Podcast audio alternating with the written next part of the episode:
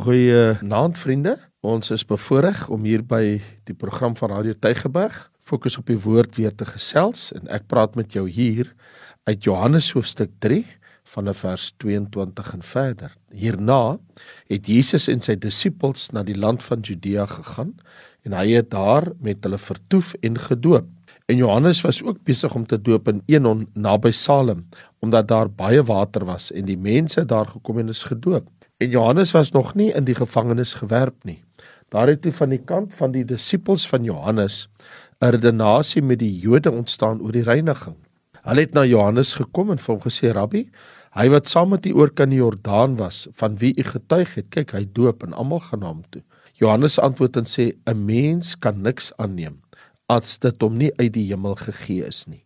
Julle is self my getuies dat ek gesê het ek is nie die Christus nie, maar dat ek voor hom uitgestuur is.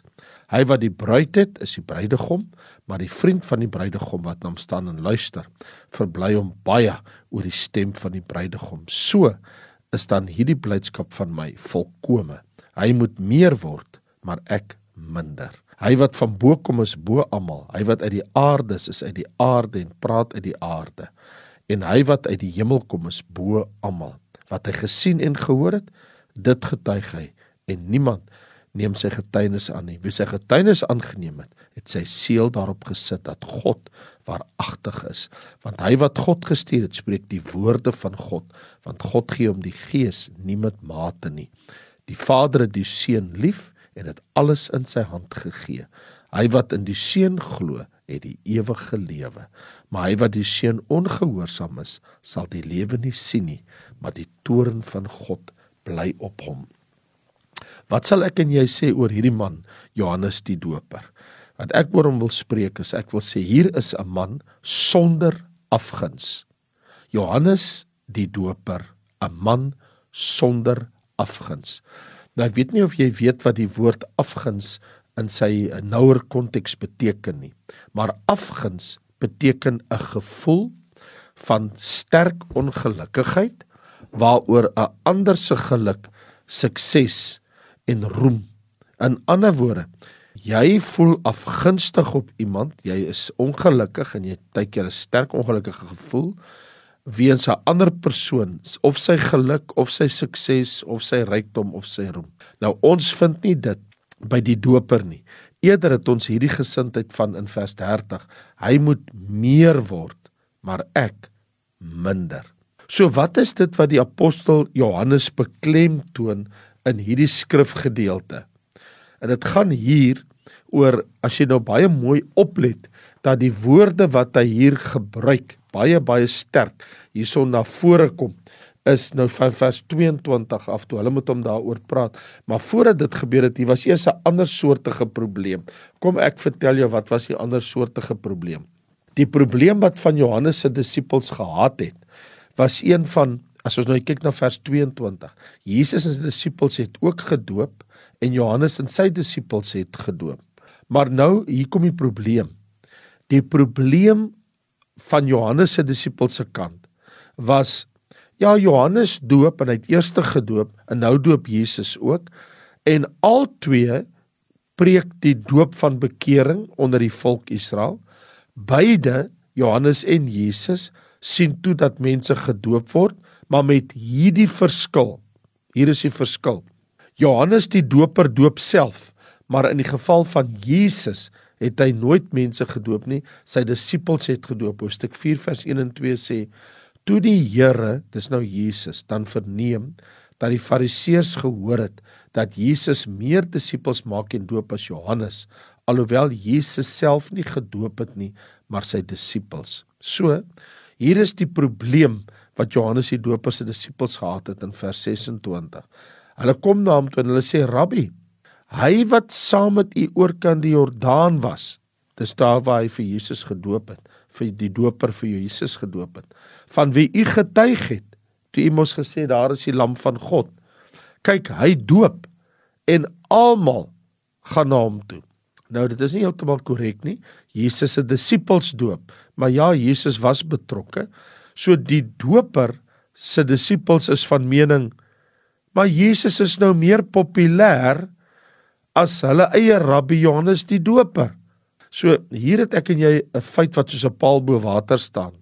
Dit maak nie saak wie van ons maak nie saak hoe groot ons sukses is.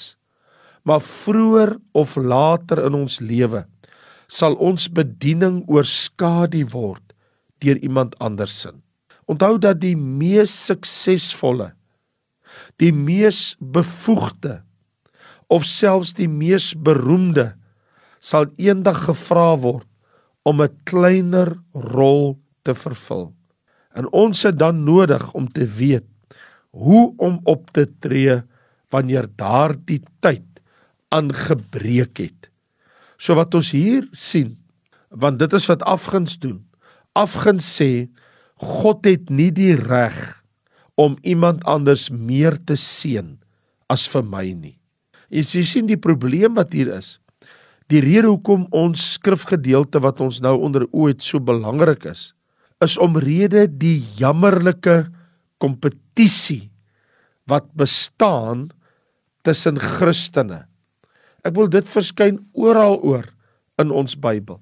Selfs hier in Filippense 1 en Paulus se sentbriewe lees ons daarvan in Filippense 1 van vers 15. Sommige preek Christus wel ook uit afguns en twis maar ander ook uit welwillendheid. Die eerste verkondig Christus uit naaiwer, nie met suiwer bedoelings nie, met die mening om aan my boeye verdrukking toe te voeg. Dis wat Paulus sê. Hy sê maar die ander verkondig Christus uit liefde, omdat hulle weet dat ek bestem is tot die verdediging van die evangelie. Nou is Paulus van mening in vers 18 van Filippense 1, wat maak dit saak? Maar wat maak dit? In alle geval, op allerlei wyse of dit onder 'n skyn is of dit in waarheid is, Christus word verkondig. Hierin verbly ek my en hierin sal ek my verbly. So daar is diegene wat Christus verkondig uit selfsugtige ambisie, uit naaiwerheid. Daar is min dinge wat die vyande van die Christendom soveel geleentheid bied om te laster as wanneer daar 'n afgunstige jaloerse gees tussen Christene is. Ongelukkig leef ons ook in 'n samelewing ek en jy vandag wat so gestruktureer is dat dit mense forceer om hulle sukses te meet teen ander sin. En wat ons nou hier in hierdie skrifgedeelte sien is Johannes die Doper se perspektief, 'n man sonder afguns. Kyk 'n bietjie. Hy het die korrekte filosofie of hemelse filosofie want sy antwoord dood eenvoudig. Toe hulle sê Rabbi, hulle praat nou met Johannes dat die meester Jesus, hulle doop meer hy en sy disippels as hier by ons en hulle gaan na hom toe. Almal gaan na hom toe. Is Johannes van mening vers 27 en 28 1 'n mens kan niks aanneem as dit hom nie uit die hemel gegee is nie nommer 1 en nommer 2 julle is my getuies Ek het mos gesê ek is nie die Christus nie. Ek is net vir hom uitgestuur. So op 'n menslike vlak gesien, as 'n man groter gawes openbaar as myne, iemand anderste as wat ek het en 'n groter sukses het as ek het, is dit omrede God het hom toebedeel het, is Johannes se mening. En nog op die koop toe, dit is nie omdat die persoon met die spreekwoordelike goue lepel in die mond gebore is of dat hy op die regte plek op die regte tyd was nie. Maar hier is die rede. 'n Mens kan niks aanneem as dit hom nie uit die hemel gegee is nie. So die doper se benadering is, sy filosofie was geleë in hierdie hoë siening van wat hy gehad het in die roeping van God. God is die soewereine gewer van gawes. Maar wat homself betref, hy wat die doper is, hy sê ek is nie die Christus nie. Ek is net vir hom uitgestuur. So in Johannes die Doper se lewe was nie 'n greintjie afguns of jaloesie of wetywering nie. Johannes gaan nooit voort maar hy gaan dood eenvoudig aan met sy eie roeping en taak. Al is sy skare nou kleiner as Jesus se. Johannes toon geen bitterheid of naaiwer nie. En ek en jy het nodig om 'n hemelse filosofie of 'n hemelse perspektief te openbaar Indien iemand meer begaafd op die toneel verskyn, het ek en jy nodig om herinner te word. 'n Mens kan niks aanneem as dit hom nie uit die hemel gegee is nie. So dit is die eerste saak wat ek wou aansny en dit is om vir jou uit te wys baie duidelik dat Johannes het 'n hemelse perspektief gehad. Dit het nie oor homself gegaan nie. Dit het net gegaan oor sy roeping en sy taak. Die tweede ding is ons sien die korrekte ingesteldheid, nie net die korrekte ehm um, uh, filosofie van Johannes se kant, maar ook die korrekte gesindheid as jy dan nou wil, die ingesteldheid. Want hy sê in vers 29, hy wat die bruid het, is die bruidegom. Maar die vriend van die bruidegom wat na hom staan en luister. Hy verbly hom baie oor die stem van die bruidegom. So is hierdie blydskap van my volkome. Ek weet nie of jy verstaan wat ek gesê het nie. Wat ek vir jou gelees het wat Johannes sê nie. Johannes die Doper toon sy gevoelens teens Jesus se bediening in die vorm van 'n baie ryk illustrasie en dit is 'n Hebreëse bruilof. Almal in die volk weet wat is 'n bruilof. En Johannes vergelyk homself as die best man. Ek is die strooijonker. Ek is die vriend van die bruidegom. I am his best man.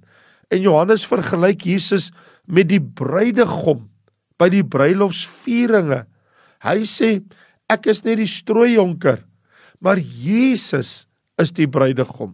En Johannes sê sy blydskap is groot. Hier staan hy sê maar so is hierdie blydskap van my volkome Hy sê net soos wanneer 'n strooijonker die stem van die bruidegom hoor wat sy vriend is, wanneer hy na die bruidegom se stem luister om verbly. Hy sê so behoort ek ook bly te wees en is ek bly. En nou wil ek vir jou sê, so behoort ek en jy bly te wees oor ander se suksesse, net soos die strooijonker bly is oor die suksesse van die bruidegom menslik gesproke Johannes die Doper het gestaan voor 'n versoeking wat maklik hom kon laat swig het waarvoor hy kon geswig het maar hy het nie. Hy was 'n nederige man. Hy het hom verbly oor Jesus se sukses. En so nie net het hierdie man die korrekte ingesteldheid gehad nie net het hy die korrekte gesindheid gehad en korrekte filosofie nie maar hy tree ook korrek op sy optrede wys dit. Hy sê in vers 30: "Hy Jesus moet meer word, maar ek minder." Jy sien, daar is nie 'n ander manier om vir Christus te lewe nie. Daar is nie 'n ander opsie nie. Dit is 'n moed. Die doper openbaar 'n selflose gees. Die Engelse sê 'n selfless spirit. Die Here roep ons na die korrekte benadering, 'n hemelse filosofie. Die Here roep ons vir die korrekte ingesteldheid en gesindheid, na die korrekte optrede. So is daar 'n persoon wat die fokus is van my en jou afguns. Is daar 'n groep wat die fokus is van my en jou afguns? Is daar 'n persoon by die werk? Is daar 'n persoon in die gemeente, is daar 'n persoon in die familie Is daar 'n kollega, iemand wat jou afgunstig maak? Is daar iemand wie se sukses jy heimlik oor afgunstig is? Ek en jy behoort die strooijonker te wees. Ons behoort ons te verbly oor die bruidegom se stem. Ons sal goed doen as ek en jy onsself voortdurend herinner aan hierdie feit. Ons maak nie mense vas of trek hulle na onsself toe nie maar wel na Jesus Christus. Verstaan jy wat ek gesê het? Jy maak nie mense om jou vas nie. Jy maak hulle vas aan die Here Jesus. En tweedens, ons soek nie die loyaliteit van mense vir onsself nie. Ons wil hê dat mense moet eerstens aan Jesus Christus self lojaal wees. So wat ons duidelik waarneem uit hierdie skrifgedeelte in Johannes hoofstuk 3 wat ek vir jou gelees het. Hoe maklik kan 'n teologiese argument oor wie doop of 'n godsdienstpraktykie doop ontaard in 'n kompeterende stryery oor persoonlikhede, Johannes of Jesus. Is jy van Johannes? is jy van Jesus. Is jy van Jesus, is jy van Johannes. Jy sien die gesindheid en die manier waarop Johannes hierdie hele onaangename aangeleentheid hanteer het. Die gewonde trots van sy eie disippels, sy volgelinge, sien ons Johannes se gees, sy wysheid en sy nederigheid. Johannes verstaan ook dat sy taak bykans voltooi is. Daarom sy woorde: Hy Jesus moet meer word, maar ek minder. My vraag is: kan jy dit vandag sê? Kan ons dit sê? Kan ons dit met absolute oortuiging en met 'n heilige besef sê? Hy moet meer word, maar ek minder. Ek wil jou vertel van iets wat daadwerklik in die verre geskiedenis gebeur het wat vertel word as 'n antieke Griekse legende vandag is 'n sekere atleet wat in 'n sekere wedloop tweede geëindig het. Die wenner van hierdie spesifieke byeenkoms het groot lof ontvang. Soveel so dat daar 'n standbeeld vir die wenner opgerig was. En die man wat tweede gekom het, hy was baie afgunstig toe hy dit sien. Hy was gevul met afguns. Hy kon aan niks anders dink nie. Uiteindelik besluit hy om die standbeeld van daai man wat gewen het te vernietig. En wat hy gedoen het is elke aand, aand na aand in die donkerte van die nag, dan het hy na die standbeeld gegaan En hy het by die voetstuk van die beeld het hy met 'n bytel en 'n hamertjie het hy 'n stukkie uitgebytel. Stukkie uitgebytel. Elke aand dan bytel hy 'n klein stukkie by die voetstuk van die standbeeld uit. En aand het hy te ver gegaan. Terwyl hy so verteer was deur sy afguns en sy jaloesie en hy wil hierdie beeld sien omval. Kan sy eie gevoelens toe dan nie meer terughou nie en hy hou aan met kap en kap en kap en kap aan die voetstuk van die standbeeld. In die volgende oomblik te begin daai swaar marmerbeeld skielik meegee. En dit alles in die donker gebeur. En hy het dit te laat gesien. Toe vergruis dit die arme afgunstige man. En hy sterf onder die gewig van die marmer replika van die man wat hy so begin haat het dat daai beeld val op hom. Wie wat het gebeur? Sy eie afguns het hom vernietig. God soek nie by jou en by my afguns wanneer hy ander mense seën met gawes, talente en bediening en rykdom en voorsiening. God wil nie hê dat ek en jy daaroor afgunstig wees nie. Johannes sê van Jesus, hy moet meer word, maar ek moet minder word. Johannes sê van Jesus, ek is die strooijonker. Hy is die bruidegom. En die strooijonker verbly hom in die stem van die bruidegom. So is hierdie blydskap van my volkome. Vir jou wil ek sê, as die Here jou buurvrou, jou buurman, iemand by jou werk of iemand by jou kerk of 'n ander predikant meer seën as vir jou, niemand en dit het Johannes gesê, kan iets aanneem as dit hom nie uit die hemel gegee is nie.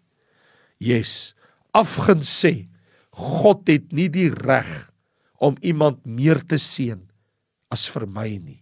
Mag afguns nie by my en jou ooit gevind word nie, maar 'n liefde vir die wie die Here geseën het. Mag die Here vir jou baie ryklik seën. Baie dankie en totsiens.